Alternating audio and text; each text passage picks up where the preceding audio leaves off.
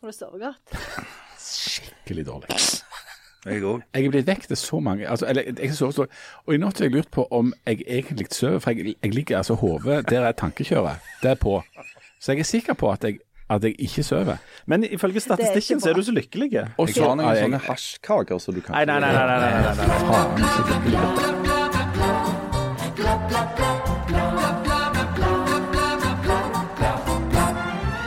Ah, vi er rike, gamle og bor i Rogaland, altså er vi verdens lykkeligste. Det er vi ikke det. litt, vi er faktisk ikke så lykkelige som de gladlaksene i Finland. Jeg trodde de bare drakk og stirra ut i snø. Uansett, vi skal snakke litt om Easy, litt om Putin og ski, litt om ordet t- Kan ikke si det høyt. Og andre evner som gjør oss enda lykkeligere. Fem, klokka seks det er to andre løyer. Det er så ble jeg vekk den klokka sju. det Så jeg er bare har sånne korte, korte, korte glimt av noe som ligner søvn. Fryktelig. Men tror du ikke at finnene egentlig er lykkelige fordi de drikker og stirrer ut på snøen? Ja, det, det er mulig det er en sammenheng der. Jeg, vi har jo Det er en inntrykk korrelasjon eller kausalitet. Hvem Ja. vet? ja, det Den forskjellen der er bare akademiske. Vi har med oss Harald Birkevold, som etter mine beregninger er, mangler tre faktorer på å være verdens lykkeligste mann. Og sånn ser du ut. Jo, takk skal du pinadø ha. Jan Zahl, som etter mine beregninger er skal vi se, tre faktorer under å være verdens lykkeligste mann. Det kan stemme. Ja, Sover godt? Absolutt Eh, ikke. Absolutt ikke. Og så har vi Janne Stigen Drangsholt, så etter mine beregninger er skal vi se, tre faktorer under å være verdens lykkeligste person. Jeg òg over Ja. 55. Nei, Nei, det, er en det er en av de du mangler. Jeg er den eneste i dette rommet som er over 55. Nemlig. Og jeg har beregna dette på meg sjøl òg, og jeg mangler fem, nei, ikke 15 år, 10-12 år på å bli uh, verdens aller, aller lykkeligste. Ja, så du er jeg, ni av ti? Nei, jeg, har ikke, jeg mangler et par andre òg. Ja. Du bor jo blant annet ikke i Finland, så vidt jeg vet. Jeg ville sagt at du mangler 50 år per krone. Takk, du er enda gladere. Ellers har uh, Janne i dag uh, overraska oss med um, Hun hadde med seg et eh, sånn et handlenett. Som du sikkert har stjålet i Frankrike? Er det, er det ikke noen franske Nei, Hun har stjålet i? London, for det står London Review of Ja, men jeg fikk det gratis nå. Men er det sånn alarm på? Om du var den eneste som fikk det gratis, og de andre måtte betale for det. Men det er sånn jålegreie, så du skal gå rundt så de innforståtte vet at dette er noe eller annet bra Jan er så i angrepshumør i dag at Han har jo eh, ikke jeg vet ikke hvor sovet, så lenge han- holder ut. Han, er, han har ikke sovet, så han er, ser jo bare svart på. I'm on the attack. Ok, Men oppi dette, uh, dette handlenettet som Janne er den eneste som fikk, de andre måtte betale for, uh, så hadde du med deg uh, eh, noen hefter som du har delt ut. Noen pamfletter. Ja. Harald ble veldig glad for det. Jeg ble Ja, kjempeglad. Jan ville ikke ha det, så jeg har tenkt å ta det tilbake igjen. Ja, jeg ville bare tatt det fra han igjen. Ja. Men uh, fortell oss hva som var oppi handlenettet. Det er et leseeksemplar av uh, min nyeste bok, 'Vinterferie', som kommer 9. mai. Eh, Du har ikke kommet i vinterferien. nei, for det er jo et, en ironisk tittel. Det handler jo egentlig om sommerferien. Jeg trodde Det er jo Ingrid Winther Vinter som er på ferie, herregud. Jeg Ja. trodde at ironien var død. Det er jo Vet du hva, jeg, kan jeg få den boka tilbake? Ta For det er faktisk eh, Jeg kan heller eh, lodde den ut Mm. til en lytter, eller noe sånt, kanskje. Gud er død, og ironien er død. Jeg tror disse her kan bli mye verdt. Ja, det tror jeg òg. Jeg... Og snart er vi døde alle sammen. Husker dere ikke på når han på årets mørkeste Kan- dag, 21. desember, da holdt han òg på å emje om dette her. og da òg hadde han sovet dårlig. menings, eh, Det har vært meningsfattigdom og Den siste uka. Dagen og natta var akkurat like lang, men det føles som det er evige natt. I hvert fall så kommer den boka snart. Så. Denne, denne kom ut i forretningene 8. mai. Ja. Eller da kommer han på lager. Så i løpet av den uka kommer han i forretningene. Akkurat. Så da er det god tid til å kjøpe den, sånn du kan lese den i Hvor skal du sitte og blomstre og signere bøker da? Nei, eh, over hele distriktet, All- tenker jeg. all over the place? Ja. Ja. Eh, Jeg pleier jo ofte å sitte midt i gangen der på Kvadrat. Det stemmer det. Eh, Folk stirrer, går forbi. Ingen kjøper bok. Men hvis du i tillegg til bøker hadde hatt noen sånne spekepølser eller noen sånne greier, så Ja, folk kunne kjøpt jo, ja, og at de kan kjøpe noe i tillegg. Ja, en knivsett og Ja. litt sånne ting. Ja, for at det nå, oftest, fordi, oftest så kan de gå, komme innom og kjøpe, eh, få seg en twist gratis. Mm. Og da er det mange som kommer bort og sier sånn, kan jeg ta en twist? Og så går de igjen. Nei, gjør folk det? Mm. Sånn, Eller, det, sånn det boksignering i bokhandel, det er kanskje det tristeste Ja. som finnes i du, verden. du har vært med på det, du Jeg òg? har vært med på det. Jeg eh, var en gang annet og skulle signere bok i Langgata i Stavanger, nei, i Sandnes, i en eller annen bokbutikk som jeg ikke glemt hva var, eller fortrengt. Eh, det var den første bok jeg hadde gitt ut. Jeg var invitert der og kom inn. Setter meg til, der hadde de en fire, fire, fem eller ti eller et eller annet bøker. Og så skulle jeg sitte der i en times tid, og Kom ingen for å kjøpe den boka. Kom noen, eh, Tilfeldigvis var det innom noen eh, venner av foreldrene mine. og liksom, 'Oi, der sitter du'. Ja, ja. Jeg satt der. Men du selger noen bøker, gjør du ikke? Ja, jeg gjør det. jeg gjør det, altså, Det er veldig hyggelig. Så når det kommer noen som faktisk vil ha bok og, og en signatur, så prøver jeg å holde litt på Det er jo klart Når folk kommer inn på denne bokhandelen og de ser Jan Sahl sitte og skule på dem, det er klart de, de rygger jo bare ut døra igjen. De tenker han her Senere, senere hadde jeg litt mer suksess med det, men det var veldig veldig trist for det. Og noe av det eh, mest sosialt kompliserte er det når det står noen der og smiler og er kjempeblide. og må skrive hilsener og sånn som dette.' og Så sitter du så kikker du og tenker du Hva er det du heter? Jeg har, òg ja. vært vitne til eh, en sånn en, um, ting det, Vi var faktisk ute og skrev om en sånn en boksignering, og der kom det inn Og det var òg en som satt litt sånn mutters putters alene. Så kom det inn det som viste seg å være en av denne forfatterens uh, beste venner. Kom inn og sa 'Å, der sitter du, ja', og så liksom snakket og sånt. Og, sånn, og forfatteren satt og ja, tok fram ei bok og liksom skulle brette ut, og så sa han som var på besøk 'Jeg skal ikke ha bok, altså'. Men, men, jeg, men jeg har faktisk opplevd i den helt andre enden. For når jeg skrev den der Keisersboka og reiste rundt på turné med deg som signering eh, rundt omkring, så hadde de aldri opplevd så lange køer noen plass der vi var og signerte. Altså På Torgallmenningen så sto folk ut av butikken og ut på Torgallmenningen på en sånn bok. Men, eh, og det var stas, det. Men det var omtrent da jeg bestemte meg for at jeg bør slutte å skrive sånne bøker. Fordi jeg forsto jo der jeg satt at de var jo på ingen måte der i kø for meg. Så det var bare så jeg kunne bare sitte og se på deg på siden av meg og forstå hva det betyr å være populær. Signerte du, Hvor mange bøker signerte du med Geir Zahl? Jeg burde jo ha signert mange flere. Jeg du burde jo det. Ja, ja, OK. Uh, Janne, blir du, blir du lykkelig av å uh, Mest lykkelig av å skrive bøker, eller å uh, gi de ut? Det blir ikke noe Ja, jeg vet ikke om um Nei, det er jo alltid Det er jo skummelt å gi de ut. Eh, og så er jeg jo ikke spesielt lykkelig underveis heller, så svaret er nei. Det er mest et slit. Ja. En slags fødsel, liksom. Det er det. Um, ja. Men, Men- men- og nå kommer jo da anmeldelsene, Ja, det er og det vet du anmeldelser er jo ikke en bra ting. Nei. Nei. Men jeg ble veldig glad av å gi den til Harald, for han hadde jo idealreaksjonen. Men så ble jeg tilsvarende lei meg av å gi den til Jan, så det det, det, nå er jeg i balanse som vanlig. Jeg har inntatt en helt nøytral holdning Ja, du har ikke Ja. Egentlig Men, men du blir jo til gjengjeld så blir du jo uh, rikere og eldre av å skrive disse bøkene, så til slutt blir du glad. Det er jo veldig lite penger i å skrive bøker. Det er jo litt penger kanskje i lydbøker. Ja. Ja, det er jo der eh, Leser du de inn sjøl, eller får du mange til å gjøre det det? er en skuespiller som heter Ingrid Bergstrøm, som leser. Tenk Hun hvis er du hadde veldig flink. hett Ingrid Winther. Mm, det hadde vært Men, så jeg- digg. For jeg hadde nemlig en veldig god idé der. Men, altså, jeg, vi tenkte jo altså, En eller annen gang i løpet av våren så skal dere få noen smakebiter for denne boka. Men jeg hadde tenkt at vi skulle ha sånn lydbokinnlesingskonkurranse der eh, vi andre kunne få i hvert fall hive vår hva det heter, eh, ikke lodd i hatten, men hatt i ringen. Og for å prøve. Ja, ja. Rett og slett å lese et lite Jan, i- med, selvfølgelig med bergensdialekt. jeg liker best når Jan har Odda, for det føler jeg er mer litt Ja, når du høres Ja. ut som han Ja. Frode Grutten, det syns jeg er bra. Ja. Ja, det kunne vært bra. Og så kan vi andre òg få prøve. Vær har dere sjøl. selv. Ja, For jeg tror, uten å vite hva jeg snakker om, så tror jeg det er ganske vanskelig å lese en, en lydbok. Er det mulig, det? Jeg har lest inn ei lydbok, um, den der eh, fra Shakespeare til Knausgård, den leste jeg inn sjøl. Ja. Og det syns jeg var ganske krevende. Brukte du Måtte du ha mange, mange forsøk? Ja, eh, ja, eller jeg fikk ingen tilbakemelding. For det, eh, som var produsent, hadde aldri gjort dette før. Så jeg var sånn eh, Ja, hvordan var det? Nei greit, det. scrollet på mobilen, I don't know. Og så var jeg sånn Ja, jeg synes, jeg tror kanskje det var litt dårlig. Skal vi gjøre det igjen? Så bare sånn Åh, herlighet. Hvor lenge må vi sitte her? Men, men vi klarer jo også å lese inn denne lydboka her en gang i uka. Vi sitter jo og leser Ja. opp manus nå. Ja. ja absolutt. Gjør vi det?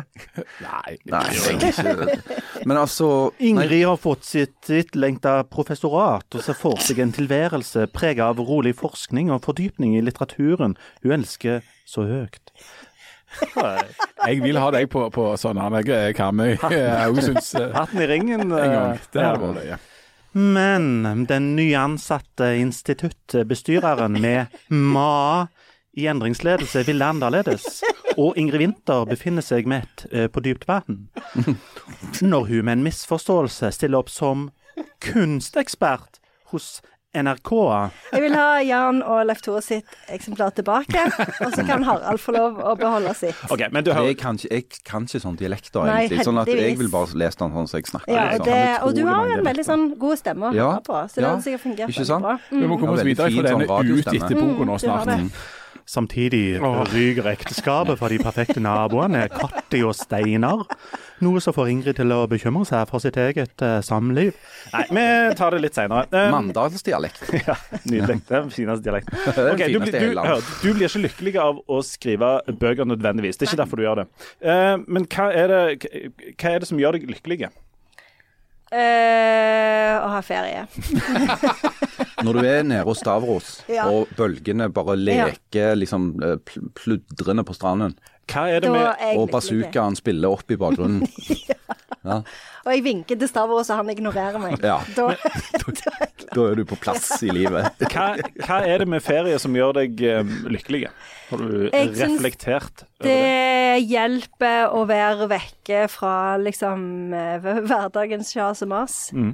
Eh, og så blir det litt mindre tankekjør når jeg er på ferie. Jan, er det en god natts søvn som gjør deg lykkelig, som du ikke har opplevd de siste 45 åra? I wouldn't know. Um, men jeg, jeg, når, når du spurte henne, så kom jeg på at jeg, jeg kan huske tre Jeg tror jo altså da at lykke ikke er noe konstant. Jeg tror det er veldig korte glimt det skjer. Um, og, og hvis det ikke hadde skjedd i korte glimt, så hadde du ikke visst at det var lykke. Du må jo være på jobb og ganske drit ellers for at du skal få kontrasten. Dette handler om sammenlikning og kontrast. Sant? Men jeg, har hatt, jeg kan huske tre glimt av lykke i løpet av den siste uka. Og det forvirrende er at, det er, at de er helt liksom, Det er veldig, veldig sånn ulikt. Jeg, Fortell. jeg, var, jeg gikk rundt, jeg var i Madrid eh, forrige uke, som dere husker. og så, så gikk jeg rundt på ei gate i Madrid, og så sto sola på, og så var det 20 grader. Så kjente jeg varmen. Og, liksom, så- og, og da, da husker jeg kjente sånn Åh. Og liksom, altså, det, det var så deilig, det var så lykkelig å bare kjenne den der varmen der. Men hadde du ikke altfor varm jakke på deg? Nei, for jeg hadde kledd meg etter. Jeg, okay. jeg, jeg pakker jo veldig lett, jeg kan ikke Ja, ha sånn tjukk ja, okay. med til utlandet. Og så, så det, det var et glimt av lykke. Liksom, av følelsen av vår sommer, liksom sånn frampeik på hva som skal komme. Nå skulle du tro når jeg kom hjem at jeg lengta tilbake, men jeg kom hjem, så gikk jeg rundt Godalen. Da var det eh, fire plussgrader, litt regn i lufta. Eh, det jeg vil si er frisk luft i Rogaland. og, Ja, og, det- altså drittvær på mange måter. Der kjente jeg et stikk av lykke. Ah, så deilig. Her går jeg med denne hunden, og, og det er egentlig det der friske rogalandske være. Så det er motsatt av det jeg hadde i Madrid. Men det fikk jeg også lykkefølelse av. Og så i helga på, på lørdag så hadde jeg vært og kjøpt godt surdeigsbrød. Eh, og så eh, hadde eh, brura kokt et egg som var perfekt kokt. Altså, og der hadde jeg igjen et glimt. Det der fantastiske surdeigsbrødet fra Modino, og så et perfekt kokt egg. Da kjente jeg et stikk av, av lykke. Så dette, er dette kan jo egentlig Trygve Skau bare trykke rett på sånne Ja. kopper, men det er, eh, det er ganske gjenkjennelig. Harald, du er jo en, en vandrende lykkepille for både deg selv og for omgivelsene Ja, dine. Hva, et notasjonsråd moderasjonsråd, som mange kaller meg. ja, hva, slags, eh, hva slags situasjoner eller tilstander er det du er mest lykkelig i? Og jeg minner om 18-års, eh, at vi ikke har 18-årsgrense på Ja, programmet, alle hvis man unntar de, de situasjonene som du sikter til, eh, så, så blir jeg, jeg blir ganske lykkelig av å spise god mat. Um, det, det har jeg for så vidt alltid gjort. Um, altså, god mat kan gjøre meg veldig glad. Eh, og så er jeg jo veldig glad i å være på fjellet, da. Altså, jeg, jeg liker å være på hytta. Jeg kan være ganske lykkelig når jeg er der. Og der trenger det ikke nødvendigvis være en 20-30 personer rundt deg for at du skal få Nei, denne men, men det er en ting jeg har oppdaget i det siste. Det er at eh, Før, når jeg var yngre, så var jeg veldig glad i å være alene, og kunne også være alene over lange, lange perioder. Jeg er ikke så glad i det lenger. Jeg syns det er kjekt å ha litt selskap. Um, så sånn Idealsituasjonen det er at du har selskap som ikke trenger sånn konstant øh, tilsyn, men at du bare kan sjekke innom av og til, veksle et par ord, og så kan du gå litt hver for seg, gjøre litt forskjellige ting. Um, og kanskje spesielt det der Jeg syns det er litt kjipt å spise alene. Jeg syns det er litt sånn stusselig på en måte. Så jeg er ikke så flink til det. Når jeg er alene på hytta nå, så blir det veldig sånn enkelt i maten. Og, og du Leif Tore, du, er det hedonisme og forbruk som gjør deg lykkelig, eller er det vissheten om uh, Guds rike og himmel? Ja, nei, det, Kjøpe nye det er klær. jo det siste. Det er jo å kjøpe nye klær. Kjøpe nye klær. Ja. Uh, nei, vet du hva. Jeg, um, jeg har akkurat med det, med det der forbruksgreiene uh, så Altså, jeg tror aldri jeg er så lite lykkelig som når jeg er ute og bruker masse penger på ting. Altså, Det gjør meg absolutt ingenting. Jeg kjenner, jeg kjenner f.eks. folk som blir, blir litt sånn ekstatiske når de har kjøpt seg ny bil. og får brukt skikkelig masse penger og sitte hjemme med en staselig bil, det, det er på en måte motsatt ende av min skala. Jeg blir, blir for eksempel, kan bli litt sånn lykkelig av å sette meg ut i en litt sånn eh, Begynner å bli litt sånn gammel, kjip bil. Og så han virker ennå. Det syns jeg ja, det, er, det er stas. Ja, jeg er helt lik deg der. Altså, jeg, jeg blir sånn, litt sånn stressa av å bruke mye penger. Uh, men av og til, hvis, du, hvis det er noe du har ønsket deg veldig lenge, og, og liksom spart til gjerne, eller eller tenkt nå har jeg råd til det, det kan være litt fint. sant? Men det er veldig sjelden at jeg har sånne behov. Ja. Og så noen ganger, og dette, dette overrasker meg sjøl når jeg begynte å tenke på det, men noen ganger så blir jeg Du, nevnte at du hadde vært i Madrid, og når du kommer hjem igjen Jeg kan Særlig når jeg har vært i Syden, som på en måte ikke er det er ikke min hjemmearena. Altså, jeg, jeg, jeg, liker ikke så veldig godt å, når det er altfor varmt, og så liker jeg ikke så veldig godt å bade, og så liker jeg ikke å gå i butikker med nips. Um, sånn at Når jeg kommer hjem igjen fra Syden, så er jeg veldig glad for at da er på en måte den perioden med de tingene over. Men denne følelsen av å komme hjem til sånn, særlig på, på sommeren, da, gjerne til sånn 15-16 grader på kvelden, kjenne sånn frisk luft, da blir jeg ofte minnet om at eh, vi bor på en enormt god plass. Og det, det, merker jeg, det kan gi meg en sånn lykkefølelse av å tenke på hvor ekstremt på en måte heldig du er som bor der du bor. Og Det, det pensles jo litt inn på dette lykkegreiene. For nå, FN har jo en sånn årlig lykkemåling. Ja. Og der eh, Norge alltid er i toppen, men Finland altså er, er på toppen. Men, men, det er jo land som ligner på Norge, som det, det, dominerer den ja, det, det Norden, altså Norge er vel på sjuendeplass nå, Ja. og så er det jo sånn at i Norge så er det rogalendinger og vestlendinger som er lykkeligst. Nemlig. Og der er det, og der er det også noen sånne faste sånne indikatorer på altså, hva, hva som kjennetegner de mest lykkelige personene. Har dere kontrollen på de? De er sånn 55 pluss. 55 eller eldre, ja. Ja. Har de uh, høy eller lav utdanning? Høy. Har de dårlig eller god økonomi? God. Lever de alene, eller lever de sammen òg? Sammen. Bor de i Rogaland eller på Vestlandet? Ja, ja, Ja, ja. ja, ja, ja, ja. Har de eh, unger og barnebarn? Ja. Ja. det har de. Men ungene er voksne. ja. Du slipper å ha så mye mer å gjøre. Stemmer det. Det er de beste ungene. Ja. Ok. Ja. Og så er det en liten eh, smyger her. Uh, Hvilken side av politikken tilhører de? Høyresida, selvsagt. Eh, er de totalavholdsfolk? Nei. Nei, det er de ikke. De drikker. Ja. Er de introverte? Nei. Nei, det er de ikke. Eh, tror de på Gud? Ja. Ja, det gjør de. Jo. Jo, de gjør ja. det. Ja. Ja. Men på en sånn der eh, gå i kirka på julaften-måte, eller mer Nei. sånn Eh, Det, det som, det er, og Jeg har ikke gått så langt ned i detaljene, men, men det å være troende, altså det å tro på noe, eh, slår ut på sånn eh, ja, du, slipper jo, du, du slipper jo å bli overmannet av en følelse av total meningsløshet, Ja, sånn som Jan Zahl gjør omtrent daglig. Men de er nok kanskje ikke menighetsfolk. Nei, men jeg, jeg, det der har jeg en gang lest om. Jeg tror det som slår inn der, er rett og slett denne 'death is not the end'. Følelsen. At eh, du, du, du får en følelse av at eh, da, OK, det kan godt være at jeg dauer når jeg er 85, men det kan godt være noe mer. Men altså, det å være eh, Det viser seg, dette er jo sjokkerende, men det å være høyt utdannet, ha god økonomi og være litt eldre og bo her Det er bedre å være frisk og rik enn fattig og syk. Det er sånne ting som forskning Sånne erkjennelser kan forskning frambringe. Det gjør det. Um, men uh, det med å tilhøre høyresida At folk skulle være lykkeligere på høyresida enn på venstresida når de blir bedt om å oppgi Altså Folk på høyresida er jo mer fornøyde fordi A, de har mer penger vanligvis, eh, og B, det meste går jo deres vei. Altså De blir fryktelig sure når noen setter opp skattene, men ellers går jo det meste deres vei hele veien. Så Dette det kan, er jo ikke så kan, rart. dette kan jo forklares ideologisk. Altså, definisjonen av altså Høyresida er konservatisme. Å være konservativ betyr at du vil bevare det bestående, og hvis du skal forandre noe, så er det for å bevare. Du setter altså pris på det bestående. Mens å være eh, sosialist og radikal og langt oppe på venstresida, da mener du jo eh, altså På tross av hva, FN og alle lykkemålinger har sett, vi bor eh, en plass der det virkelig må tas grep. Nå må vi snu opp ned på alt. Vi må fjerne dette systemet, og vi må lage noe helt annet. Avskaff kapitalismen, innfør revolusjon. Men du er, jo, du er jo ikke konservativ, du er jo liberal. Ja, det, ja, ja, så, ja, ja, så jeg er ikke på, jeg er ikke på Du er- derfor er ikke du lykkelig, venstre ikke heller. Jeg, er jeg, jeg, jeg er midt i midten, sånn at det, sånn at det, det er jo det som forklarer at jeg sier at det er jeg, jeg har glimt av det. Men det som er rart å tenke på, det er jo at OK, eh, en eller annen undersøkelse som definerer lykke på en eller annen måte, den har funnet ut at vi er eh, krampelykkelige her på våre kanter. Men det er jo ikke det inntrykket du får når Hva skjer? Ringer, ringer de og spør hvor du ringer og undersøker hvor lykkelig du er, antakeligvis. Eh, det er ikke det inntrykket du får når du leser avisen alltid. For der er det jo bare sutring. Altså de folka som er lykkeligst av alle, altså rike rogalendinger i 55-årsalderen. Eh, de bare Eller Harald Birkevold. altså. Ja, men de bare sutrer jo. sant? Altså, Det går til helsike, og noen må gjøre noe, og vi har ikke penger, og næringslivet blør, og de flytter til Sveits, og nei og nei og nei. Men altså, det er noe der som jeg ikke helt forstår. Men det kalles jo journalistikk. Journalistikk, er jo, journalistikk og politikk er jo det til felles at det er konfliktorientert. Men jeg tror de fleste folk lever veldig harmoniske liv, og sånn i dagliglivet og hjemme og i, i det vanlige livet sitt, så er de ikke konfliktorienterte. Og de er ikke opptatt av alt som er gale, men har det egentlig ganske greit. Litt sånn som Janne Stigen Drangsvold. Du er ikke et konfliktorientert menneske. Nei, jeg er ikke det. Jeg føler at jeg blir angrepet hele tida, men jeg skaper ikke konflikter sjøl. men jeg syns jo det var veldig interessant, fordi jeg så at det um, Sånn som i England så pekte de jo på at en av de ting, grunnene som eh, var til at de lå på 19.-plass, at det var to ting. At det var én en sånn følelse av at du bør nå visse mål, og så klarer du ikke det. Altså litt sånn at det var knytta litt til den cost of living crisis.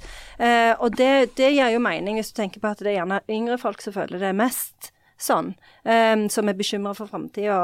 Mens hvis du er over 55, så er det gjerne litt, da er du mer etablert, kanskje. sånn, og gjerne, har gjerne gitt opp en del av de målene som du i utgangspunktet hadde tenkt å nå. Og så er det jo dette her med klimakrise. Uh, men det burde jo egentlig påvirke oss, for det pekte de på som en av grunnene til at en var mindre lykkelig i England, fordi at en var bekymra, og at en òg følte skam for at en bidro til eh, at eh, klimasituasjonen ble verre.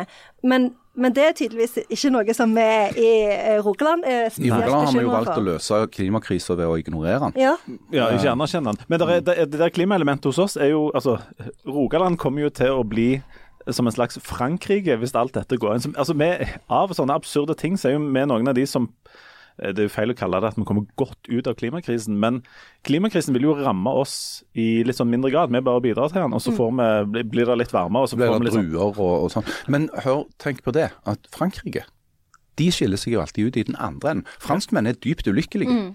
De har vin, uh, mye fint vær, iallfall i sør. Uh, og så er de franske og Ost. sånn. ja Og ost alt det innebærer. Sånn. Det er jo Også sånne bagetter med skikkelig sprø skorpe. Skikkelig sprø skorpe likevel. Og så Bare tristesse. Har de ja. Dijon-sennep? Og så har de Alle har, eh, har masse sånne elskerinner og sånne ting. Ja, det har de, Ja. men de har masse eksistensiell angst og ser svart på det. Det er fordi at de har hatt Sartre. De har blitt utsatt for sånne ting. Ja. Og Ole Ole. Beck, ja. Sånn at det er noe der. Ja, men, men den store uh, Dette er noe som kommer da med jevne drypp, og FHI holder på å forske litt på det i Norge, og FN har noen sånne indikatorer og sånt. Men den store, store eh, rapporten, eller det store, det store forskningsprosjektet på lykke, er jo dette Harvard-forskningsprosjektet som har foregått, foregått siden 1938. Og de lister opp tre ting som er grunnleggende for om du skal eh, leve lenge og være lykkelig. Og det handler om gode relasjoner, altså nære, at du ikke er ensom. Ensomhet tar liv. Du skal ha gode relasjoner, men der er kvaliteten i relasjonen viktigere enn kvantiteten. Altså at, de er, at du pleier de over tid, at de er dype, ikke bare sånn overfladiske. Og så er det å vite at du har så tette relasjoner til noen at noen vil stille opp for deg hvis du havner i trøbbel. Og disse, disse indikatorene som da handler om relasjoner til andre mennesker, er um, Det er ikke bare det at de er de viktigste, men de er de soleklart viktigste. Så det går, overgår langt økonomi, eh, sosiale forhold og alt dette her. Men, men ehm, disse relasjonene til andre folk eh, er altså, mye, mye viktigere enn alt annet. Og en teori om at altså Hvorfor Norge liksom synker litt og scorer litt dårligere, og sånt, handler jo om at det er flere som lever alene, og om ensomhet. Um, eh, I tillegg til en litt sånn eh, Jeg tror ikke den teorien er fastslått, men grunnen til at finnene er lykkeligere enn oss, som strengt tatt har det ikke fullt så godt som Norge på andre men, områder, men at de har lavere krav, da. Ja. Men den her Men kan jeg ensom... bare si noe? Ja. Fordi at det, jeg synes det er også interessant, for det er jo noen som peker på at grunnen til at finnene eh, scorer så bra, er at de har stilt på en måte feil spørsmål til dem. For de har ikke spurt er du lykkelig, de har spurt er du fornøyd. Så det er sånn ja, jeg er nøyd. Og det er jo noe litt annet. Har du noe å klage på? Hold kjeften på deg.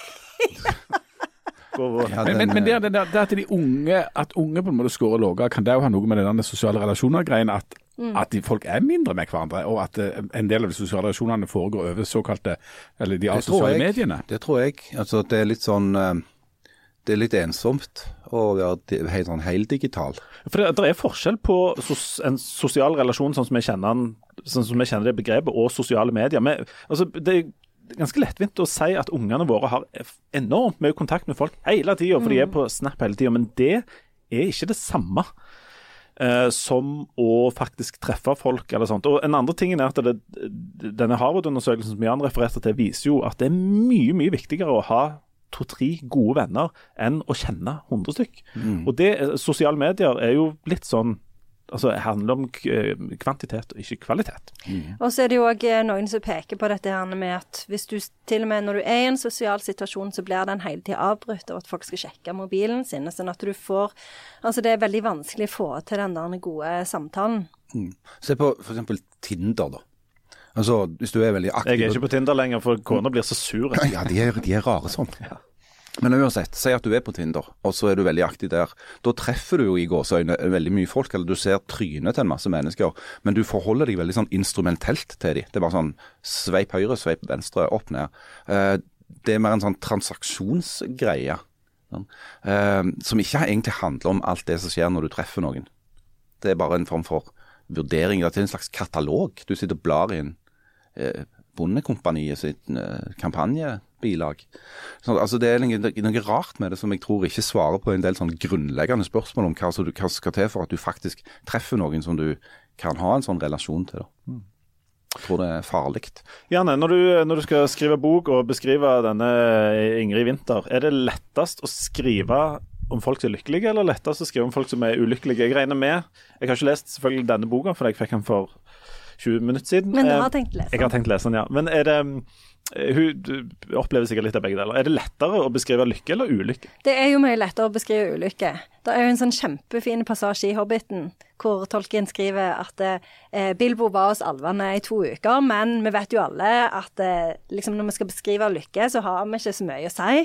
Eh, så det er mye lettere. Altså, du kan skrive en serie av bøker med tre timer med liksom misere, eh, men bare en liten pamflett om noen som har det godt. Så, og det, det er jo sånn en ser jo det at det, hvis en ser på sjangeren utopi, da, så, så er jo det en, en sjanger som en, en litterær sjanger som, som ikke varte spesielt lenge. For det der med å visualisere et godt ideelt samfunn, det er både veldig vanskelig boring. og gørr. Ja. Ja. Mens dystopien derimot, Ja, det der er er det mye.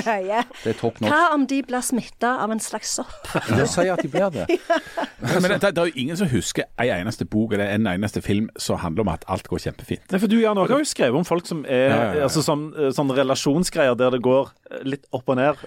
Ja, og, det, og, og, det, og sånn sett så er jo på en måte dramaturgi òg er jo konfliktdreven. sant? Altså Det skal jo være at eh, ulike folk har ulike interesser, og at det skal være en, en konflikt eller en utvikling. og Da, det, da kreves det konflikter. Så, så hvis du bare skal si at ja, eh, det, det, disse folka er det kjempefint og alt går helt etter planen, da har du sagt det som er å si i den boka. Det ble veldig veldig korte bok. Altså Nina Lykke, eh, som på en måte tangerer liksom, det som du holder på med litt, for hun skriver jo òg om liksom, middelklassen sine problemer i De tangerer litt akademia og forfatterliv og sånne greier. Og jeg- hadde et sånt bokbad med henne for noen uker siden på, på Sølvberget. og Da sa hun at hun prøvde alltid å ha en lykkelig slutt i bøkene. For det, var så mye misæ- altså, For ikke at folk skulle bli helt sånn knust av dette her. Eh, eh, og det, det kan jo være hyggelig. Sant? Altså at det ikke bare alt går ad undas i alle bøkene du leser. Men den lykkelige slutten forutsetter jo at det har vært mye styr først. Ja, det var masse Ja, det- styr, ja. masse styr og ulykke, og så et glimt av håp. Det kan jo være litt fint. Og Ted Hughes var jo veldig opptatt av det. Han var det. For han var jo sånn, ja, ja. ja, han, jeg tar de, tar de så langt ned som de bare kan komme. De blir revne fra hverandre fysisk av fugler. Eh, og så går det bra til slutt. Like. Noen setter de sammen igjen. Vi må, vi må ta en liten eh, pause. Når vi kommer tilbake igjen, så skal Janne helt spontant eh, fortelle oss topp tre av middelklassens problemer, siden du nå har skrevet et helt hefte om dette. Fire hefter. Fire hefter. Og så skal vi snakke litt om både Urix og Irix. Snart tilbake.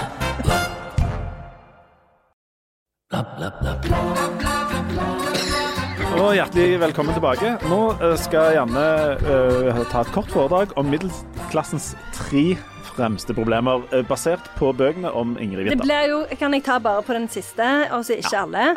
ja. Eh, så én er ungene flytter ut. Ja. Eh, to eh, en blir eldre. Mm -hmm.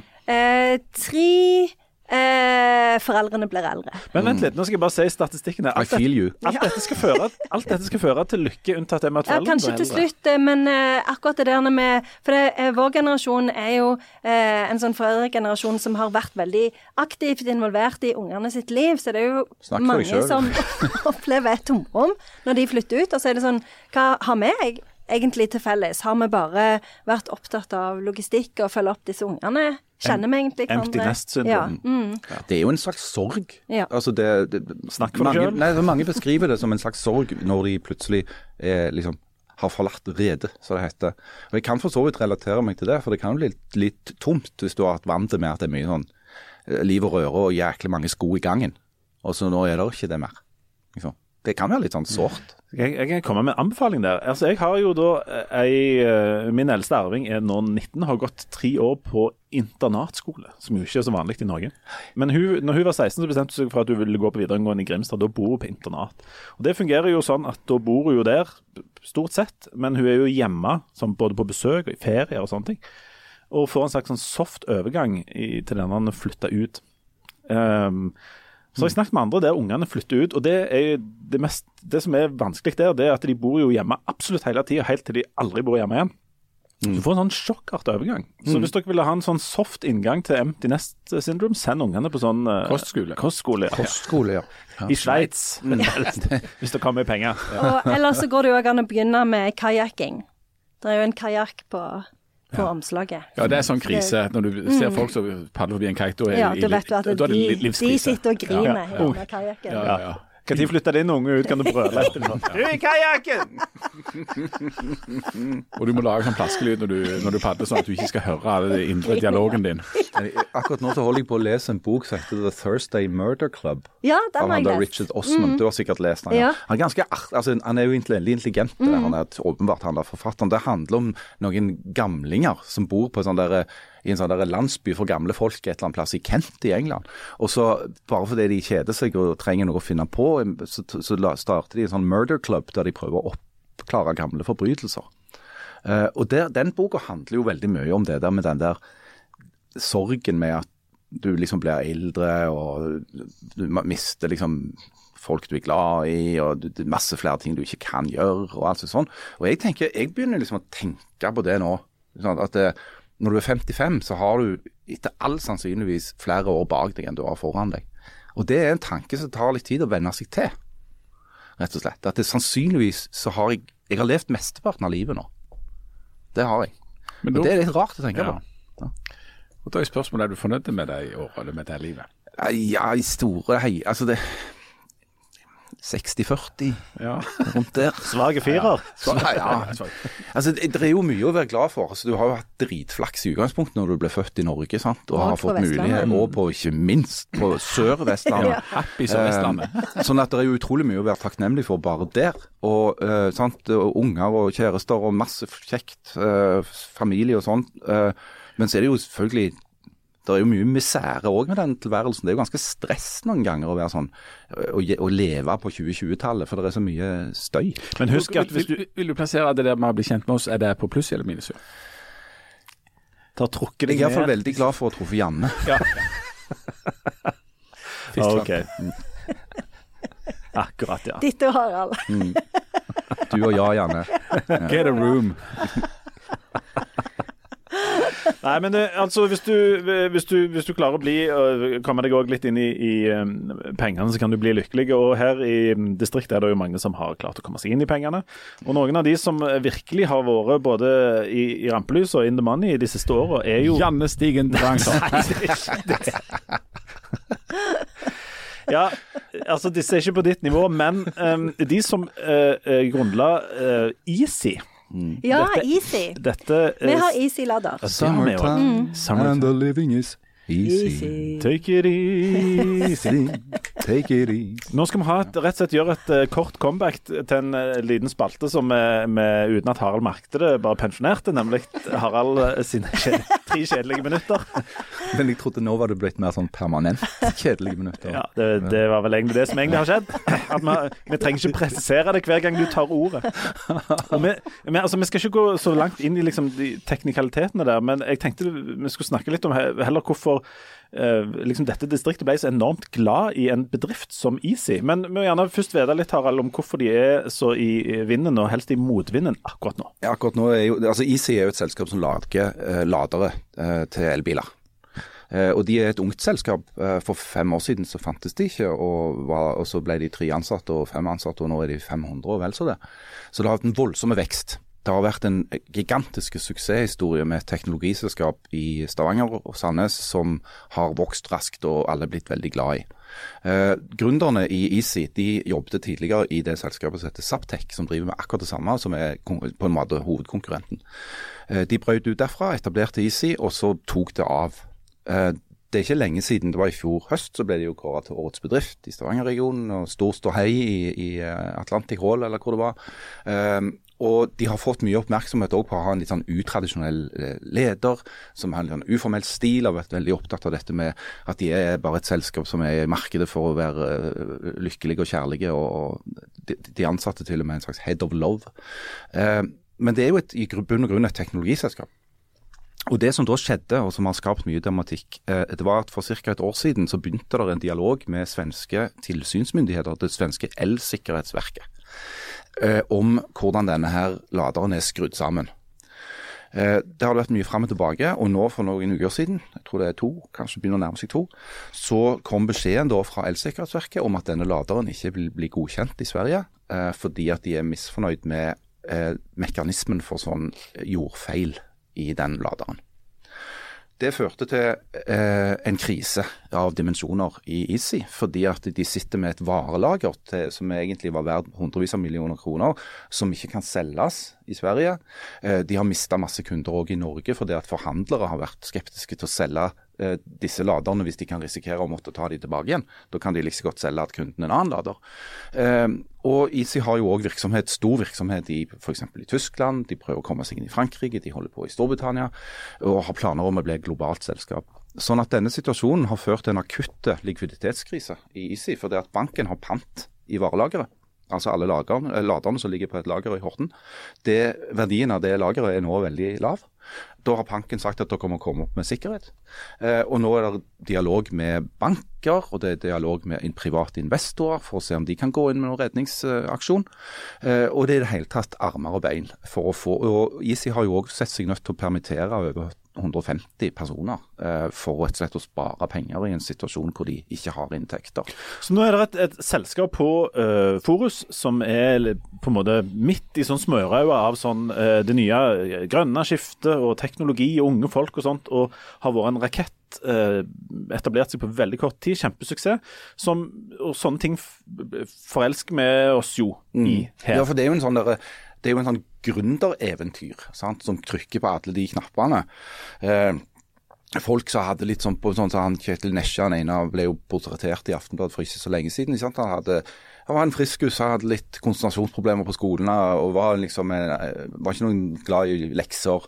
Men en oppfinner, ikke sant? en teknisk wizard. ikke sant? Og han her Jonas Helmigstøl, som er litt den samme typen, en utradisjonell kar, eh, starter egentlig på, med, med blanke ark uten å arve noen penger, og noen ting, og så bygger de opp dette her selskapet. Og på papiret ble de jo da milliardærer begge to.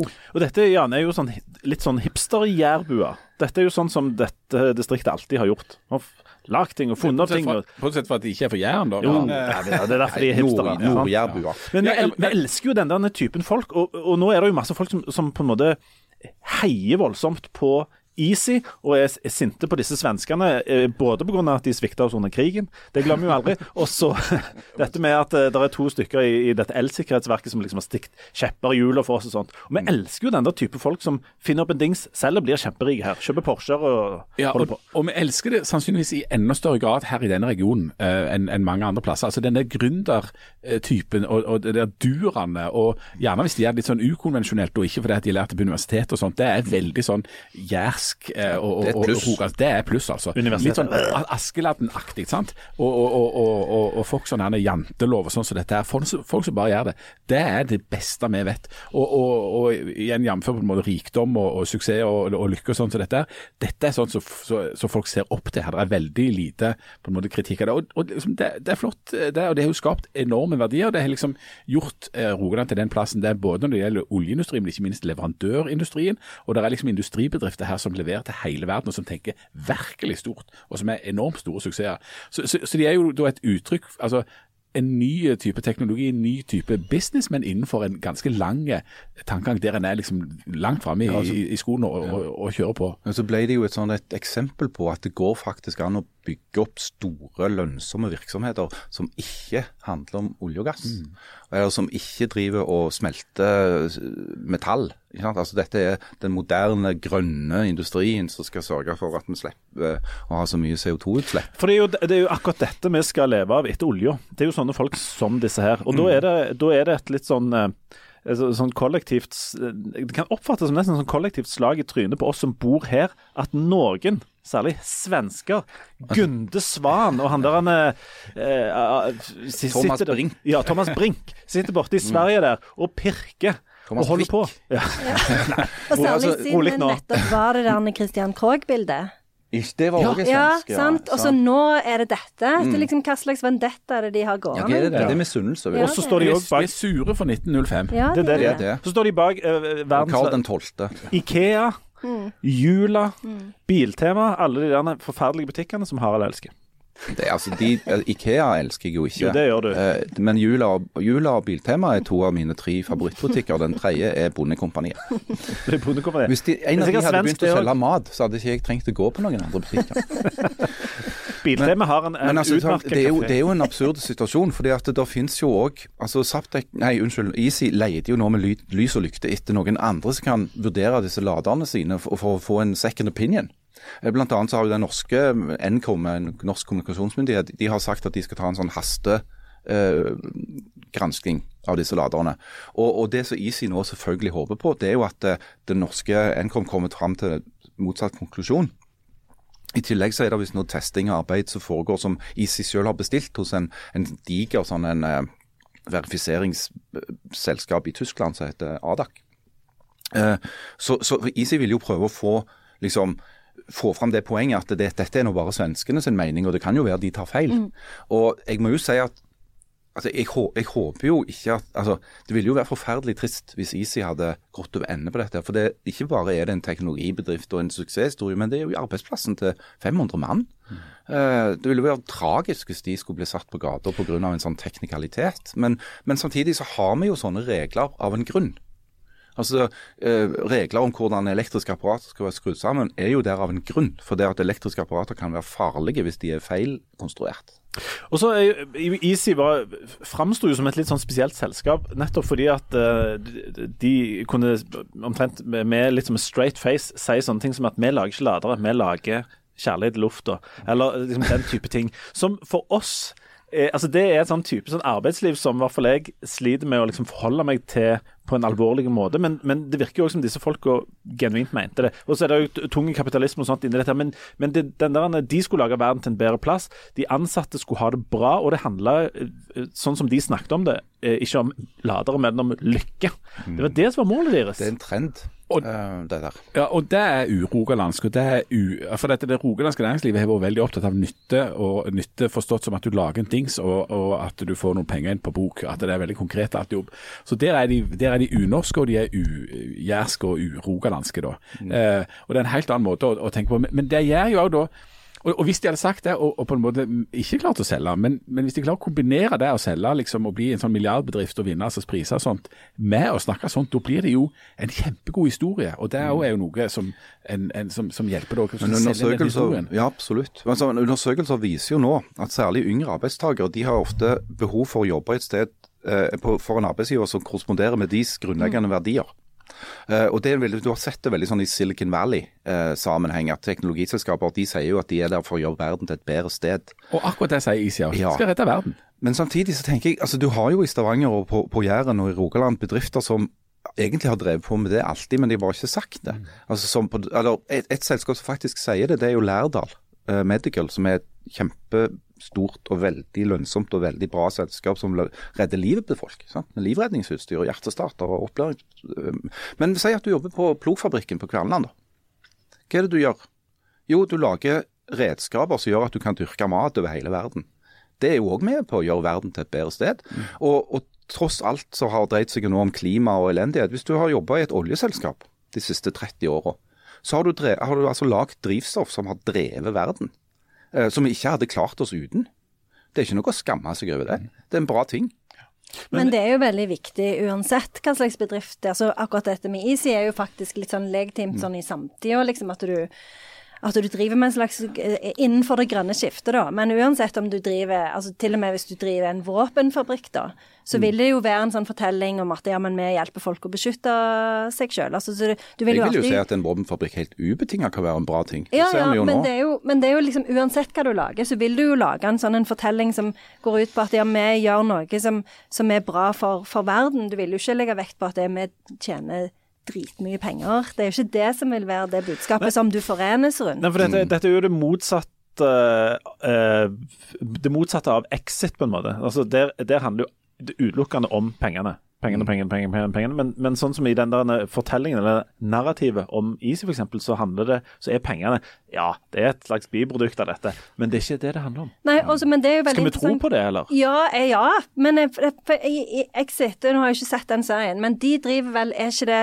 er det mye sånn aksjeting Det er jo, det er jo snylting. Det er Ja, så du Altså, skaper jo ikke noe. Så det er jo en, en helt annen form for arbeid. Altså, Men det er jo så ikke vil, jo, arbeid så vil jo en finansmann kunne innvende at eh, jo, jeg skaper noe. For, for eksempel fordi at hvis du er en bedrift som driver en eller annen virksomhet, sier du er Easy da, så har du to måter, hvis du trenger penger, du har to måter å få tak i de pengene på. Enten så kan du låne det i banken og betale renter, eller så kan du få en til å risikere sine egne penger ved å bli aksjonær.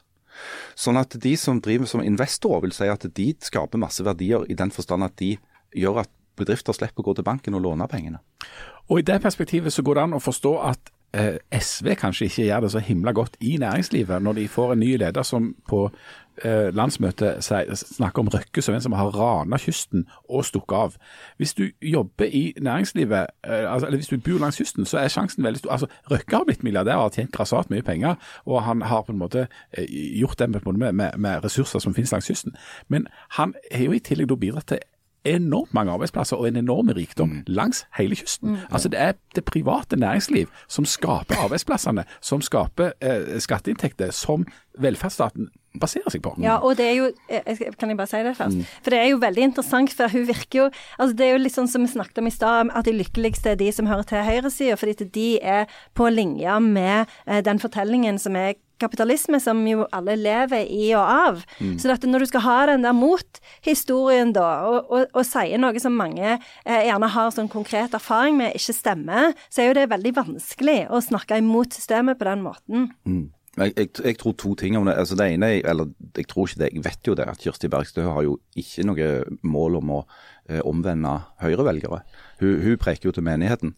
Eh, og det andre er at det der sitatet hennes om, om ranekysten, det var jo egentlig ikke mynta på Røkkes sin eh, rolle som eh, industribygger med Aker Solutions og dette her. Det, det hun snakka helt konkret om, var disse her kystfiskerne som opplever at Røkke fikk kjøpe opp alle kvotene deres. Og eh, med disse store industristrålerne.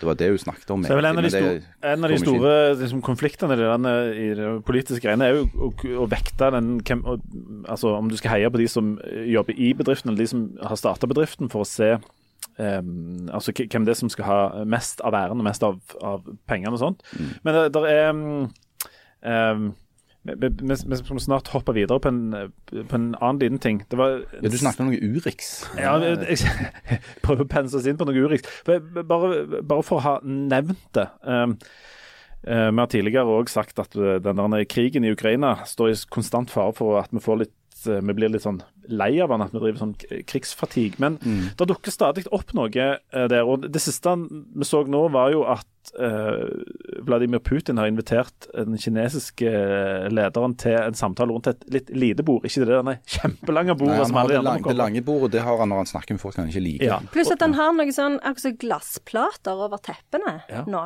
Ja, det får, Er det noe de- nytt, det? Ja, det skal være litt sånn Det, Men når- det er veldig in det nå. Men når Xi Jinping kom til, til Moskva, så var det veldig lite bord, men veldig lange sånne røde løper. Og enormt store flagg. Så, sånn, Det var eh, en sånn helt klar sånn diktatorestetikk, Ja, vil jeg si. Altså, enorme flagg, veldig lange sånne løpere, sånne store, store rom hvor de kan gå an fra hver sin ende. Ja.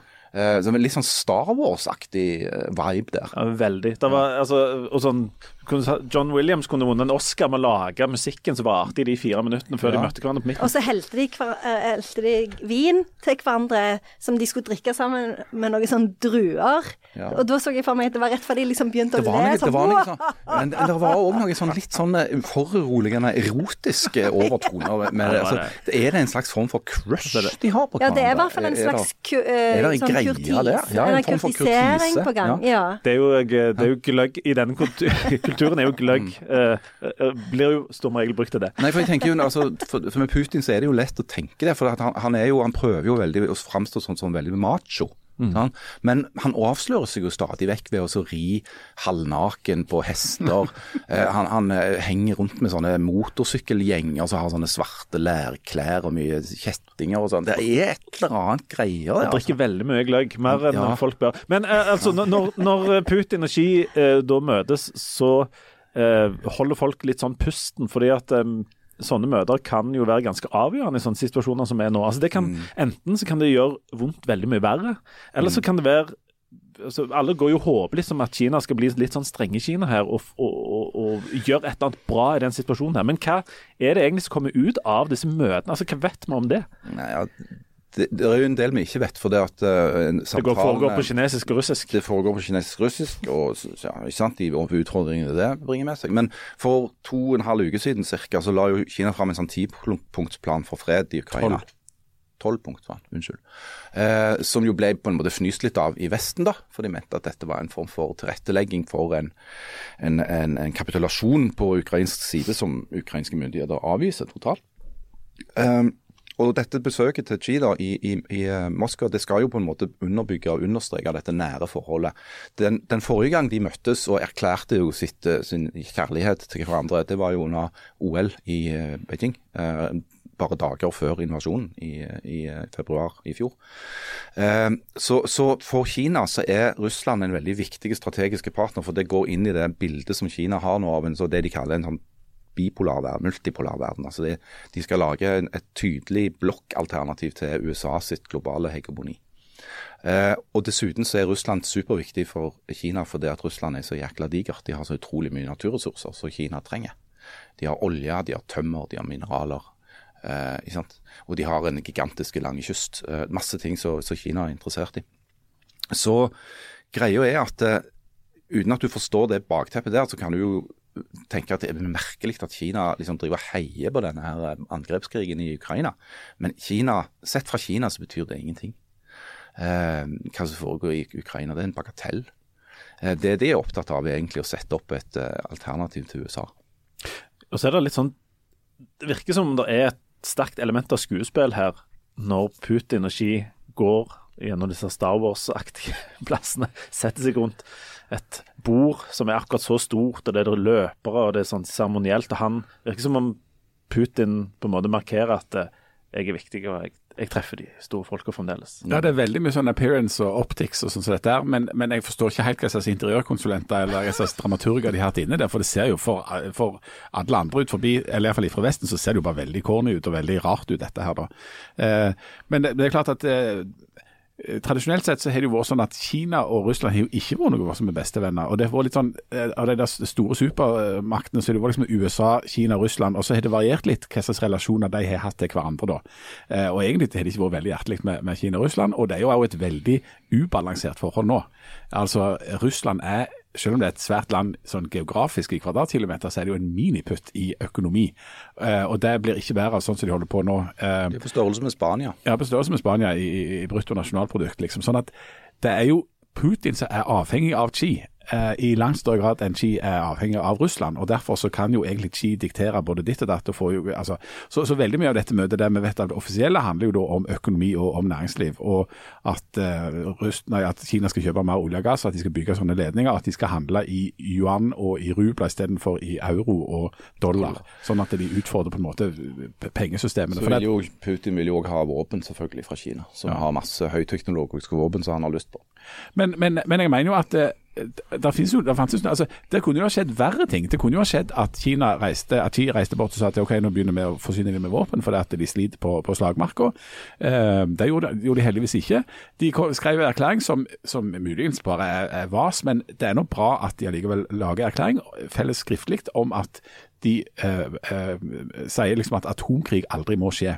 Eh, Hvis du måler det opp mot at eh, Vladimir Putin har jo rasla med atom, så er liksom ganske mye retorisk, så, så, så er det på en måte en sånn forutsetning. Sånn at Kina påstår jo at de skal prøve å ta en, en, en, en nøytral forhandlerrolle, eh, som jo eh, Vesten ikke tror på, i og med at de på et vis da samhandler med, med Russland.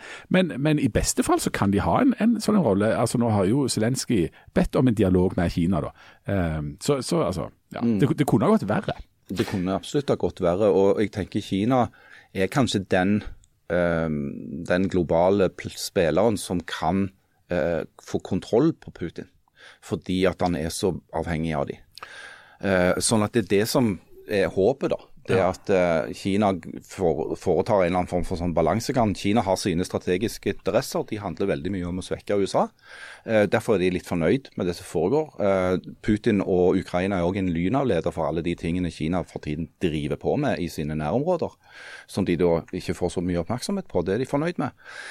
Og så kan jeg nå da håpe at på et eller annet tidspunkt så, så blir det gitt signaler til, til Moskva om at nå er det på tide å avslutte dette her. for dette, vi men spørsmålet er jo om du får et Ukraina med de grensene de hadde før eh, februar eh, 2022, eller grensene de hadde før eh, 2014. 2014. Uh, det gjenstår jo å se. Zelenskyj og co. er jo veldig i støtet og sier at de skal ha Krim og de skal ha det hele.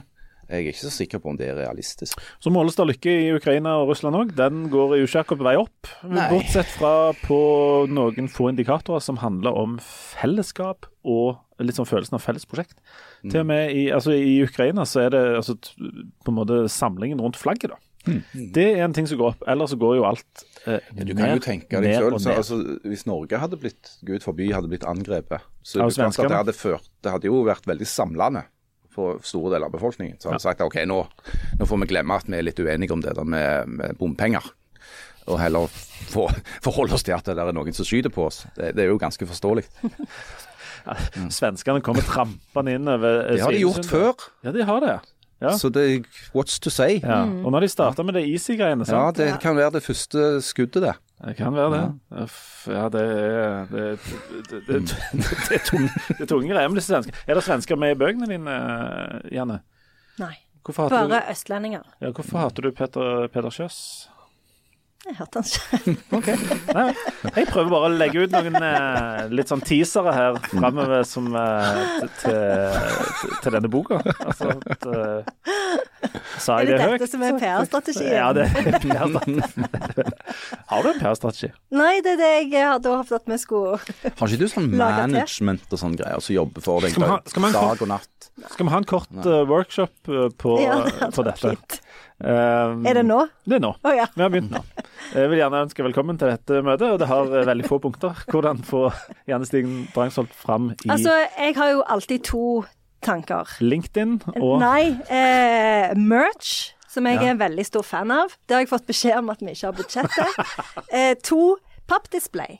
Eh, At det var? eh, sånn pappdisplay. Sånn, eh, en, sånn en, en slags reol i papp. Å, som ja. du skal plassere i butikken. Sjokkselger? Ja, en sjokkselger. Ja, det er noe som jeg har veldig stor tro på, men det er de alltid imot Mm. for forlaget. Jeg har et forslag. Det er en sånn uh, life size pappfigur av deg. Der du står med en sånn tommel opp, og så peker i en rett inn der som boka er til salg. Ja, men eh, for det er jo en del av det pappdisplayet. Sånn, Mm. Jeg hadde mer tenkt at det skulle være en sånn en figur av meg ved sida av hylla, Ja. hvor jeg peker på hylla, liksom. Hvorfor ikke kjøpe en bok? Ja. Ja, Og jeg skjønner ikke hvorfor det ikke blir brukt mer.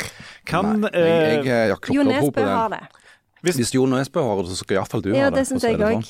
Hvis vi tre eh, kan komme opp med hver sin gode setning, sånn at du kan trykke på utsida av boka En sånn, blurb. En blurb, Ja. nemlig. For eksempel Harald Birkevold. Kjempegod bok, dødsbra. Og så Jan.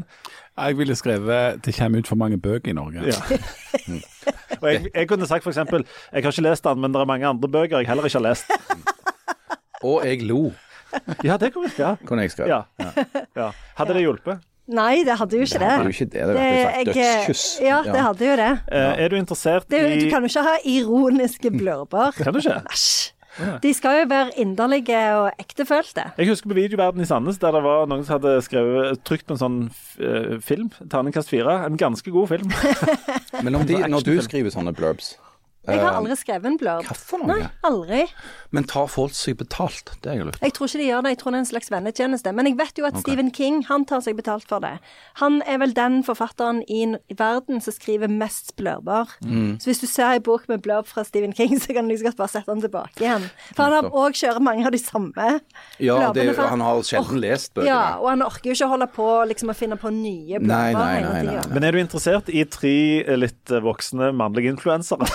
At, at vi skal jobbe for deg f.eks. i sosiale medier Et Hvor er det, er, det, er det Instagram du er mest aktiv Nei, på? det, er, det er jo LinkedIn, og så er det det der han t- Mastodon. Ja, Harald er jo stor på, på Tinder. Tinder. Vi kan jo eventuelt legge det ut på Tinder, ja. Jeg var ikke ironisk når jeg sa at det kommer ut for mange bøker. Nei, nei, jeg vet det, men, men, Men det er eh, ikke en blurb. Det blir Det oppfattet sånn. som en ironisk blurb, fordi at det, Ja, det er en du vet jo. Jo, men kontrakten er jo Når du ser en blurb, så tenker du at denne skal promotere boka. Det måtte stått liksom det kom ut for mange bøker. Dette er ikke en av de. Ja. Da hadde det det vært en blurb. Ellers hadde det bare vært en sur kommentar. Ja, da hadde vært sånn helt vanlige Jo, men det hadde i hvert fall folk trodd på. Ja. Det hadde vært den helt skal- typiske Jan Det Zahl-kommentaren. viktig. Ja, det hadde ekte. det. Men, eh, men det er jo ikke ekte, viktig å være ekte i en blurb-situasjon. Her skal du jo hjelpe noen til å forstå Ja. Men folk, men jeg jobber jo heldigvis ikke i markedsapparatet. til Jo, men vi gjør jo det nå. Nei, det gjør vi ikke. Men, Men hvorfor er eh, Jan det på dette derfor- møtet? Hvis han det ikke Hvordan han har en sånn idédugnad i markedsavdelingen? Hvem inviterte Jan? Altså, vi starta jo denne podkasten for å promotere deg, Jan. Ja, det var det jeg fikk inntrykk av. Ja. Ja. Eh, Boka kommer 8. mai, og vi legger jo ned 9. Altså, da er det slutt for oss. sant?